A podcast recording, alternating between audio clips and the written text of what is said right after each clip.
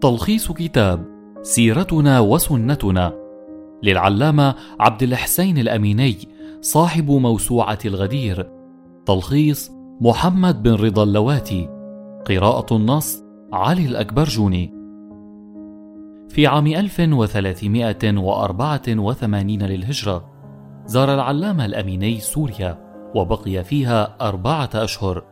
وهناك طرح عليه أحدهم هذا السؤال لماذا تقيم الشيعة مآتما للعزاء؟ ما جعله يؤلف هذا الكتاب الذي يعالج فيه هذا الموضوع ويجيب عن سؤال السائل بكل دقة علمية. بدأ المؤلف بالتحدث عن الحب ومن هو المستحق له، فيجيب بأن الله هو المستحق الأول للحب، ولأنه تعالى لا حد له ينتهي عنده، فلا حد للحب فيه. وكلما زاد علم الإنسان بعظمة ربه ازداد حبه له. ولكن حب الإنسان لله تعالى في حاجة إلى أن يحبه الله تعالى أيضا لكي يكون ذا جدوى. ولكن كيف يتحصل حب الله تعالى للإنسان؟ يقول الله تعالى في سورة آل عمران بسم الله الرحمن الرحيم. قل إن كنتم تحبون الله فاتبعوني يحببكم الله. فتبعية النبي صلى الله عليه وآله وسلم حتمية لكسب محبة الله تعالى والنبي صلى الله عليه وآله وسلم غاية الوجود وهو أولى بالبرية من أنفسهم.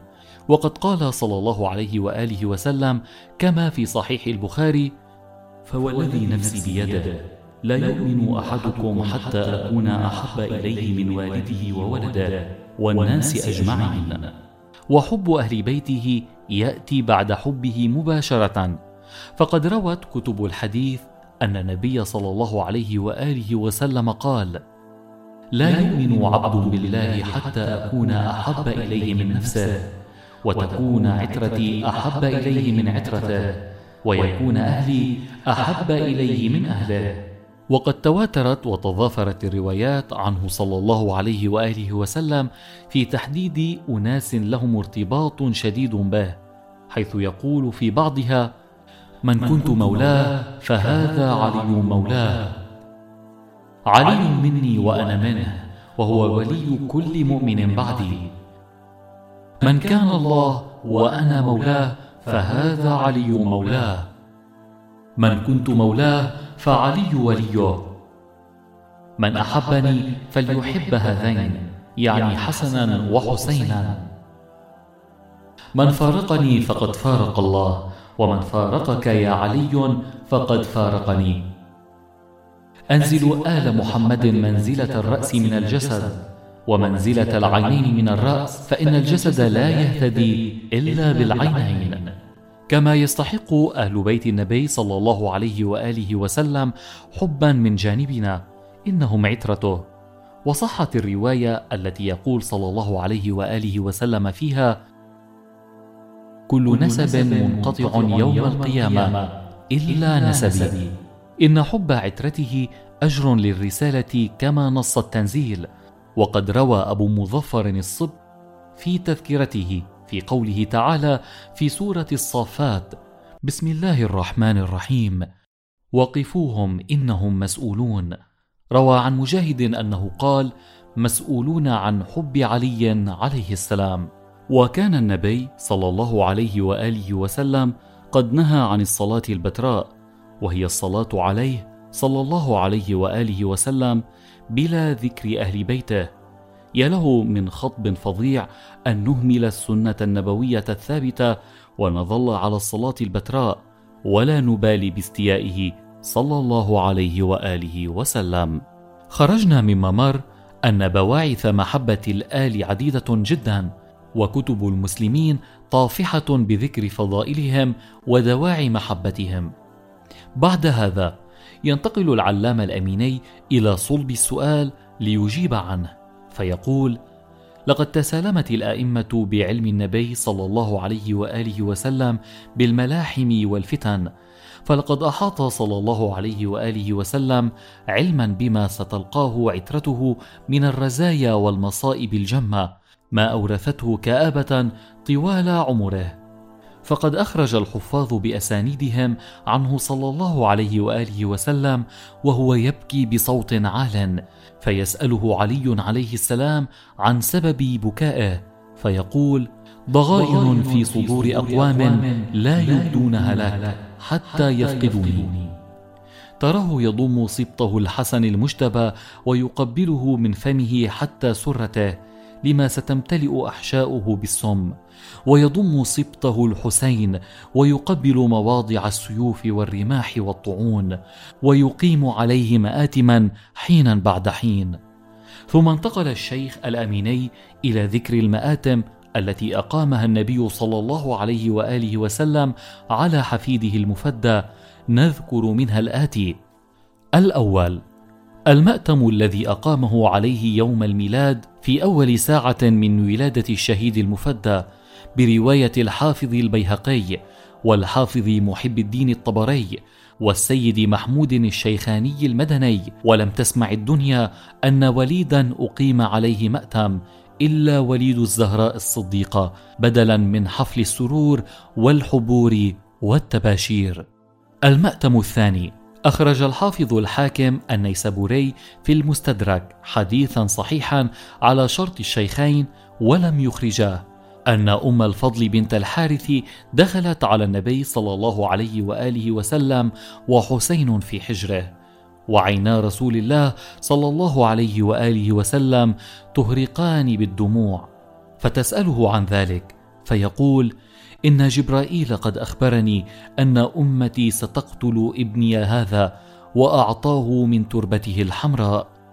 المأتم الثالث في مقتل الحافظ الخوارزمي والحافظ صاحب المستدرك وفي الفصول المهمة لابن صباغ وفي الصواعق المحرقة والخصائص الكبرى وكنز العمال أن جبرائيل قال للنبي صلى الله عليه وآله وسلم عندما أعطاه التربة الحمراء سيقتله اللعناء بأرض كربلاء.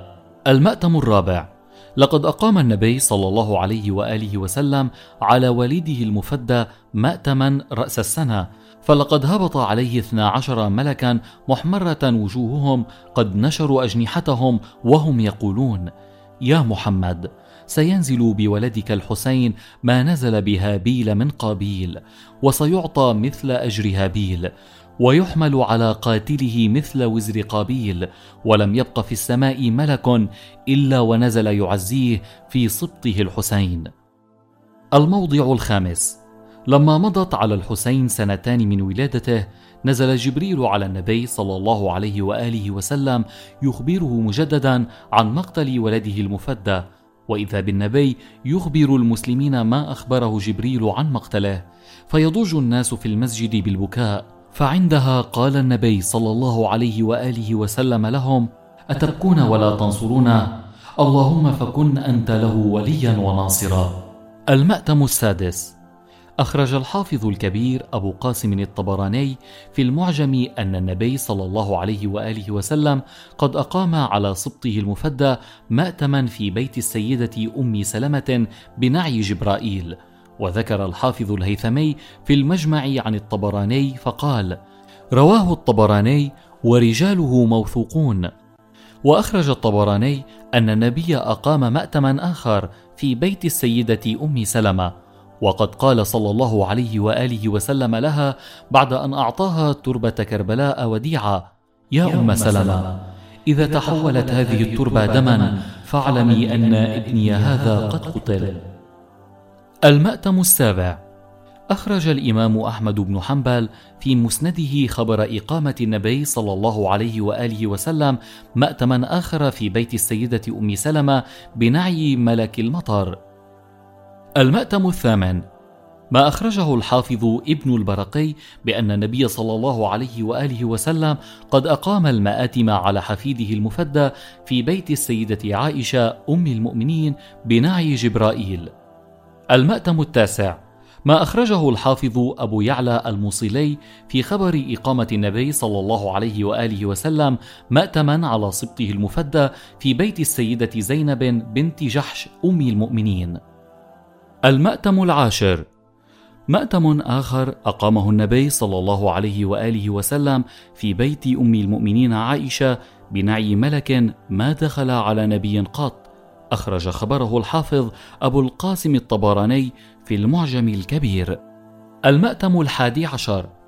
أخرج الشريف النساب أبو الحسين العبيدلي العقيقي خبرا في كتابه أخبار المدينة.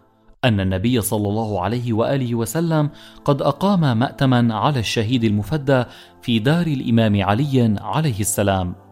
المأتم الثاني عشر ما أخرجه الحافظ الطبراني عن معاذ بن جبل عن إقامة النبي لمأتم في مجمع من الصحابة.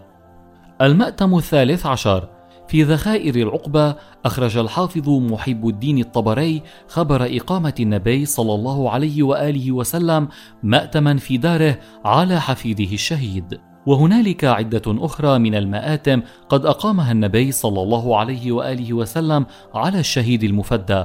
ذكرها العلامة الأميني في كتابه إلا أننا لم نذكرها رعاية للاختصار فمن أحب فيمكنه الرجوع إلى الكتاب. المحصلة. فإذا كان النبي صلى الله عليه وآله وسلم قد أقام كل تلك المآتم على وليده المفدى قبل مقتله. فما ظنك به صلى الله عليه وآله وسلم إذا وجده قتيلا بالقتل الذريع مرملا بالدماء مجدلا بالرمضاء مكبوبا على الثرى معفر الخدين دامي الوريدين محزوز الرأس مذبوحا عطشانا ظاميا وحيدا غريبا ردت أعضاؤه حوافر الخيول. فكما دام حزن نبينا صلى الله عليه وآله وسلم طوال حياته والأمر بعد لم يقع. كذلك حقيق علينا وعلى كل من صدقه صلى الله عليه وآله وسلم واستنى بسننه أن يدوم توجعنا وتفجعنا بالمصاب الفادح. ويكون البكاء والعويل على بضعة نبينا سرمدا إلى يوم القيامة. وقد أخرج الفقيه المغازلي الواسطي في المناقب أن حول قبر الحسين أربعون ألف ملك. شعثا غبرا يبكون عليه إلى يوم القيامة. وأخرج الفقيه ابن المغازلي في المناقب والحافظ الجنابذي الحنبلي في معالم العترة عن رسول الله صلى الله عليه وآله وسلم أنه قال تحشر ابنتي فاطمة ومعها ثياب مصبوغة بدم فتتعلق بقائمة من قوائم العرش وتقول يا جبار احكم بيني وبين قاتل ولدي فيحكم لابنتي ورب الكعبة. لقد أكدت لنا المرويات أن إظهار الحب لعترة النبي صلى الله عليه وآله وسلم مقترنة بإظهار الحب للنبي نفسه، وحب رسول الله مدعاة للفوز بمحبة الله تعالى كما في النصوص القرآنية، ويقول المؤلف ختاما: هذا حبنا وهذا حسيننا، وهذا مأتمه وهذه كربلاؤه، وهذه تربته وهي مسجدنا، والله ربنا وسنتنا وسيرتنا سيرة نبينا وسنته. ولله الحمد. إلى هنا أيها المستمعون الأعزاء انتهى تلخيصنا لهذا الكتاب. ولنا لقاء يتجدد معكم في تلخيص لكتاب شيق آخر. والسلام عليكم ورحمة الله وبركاته.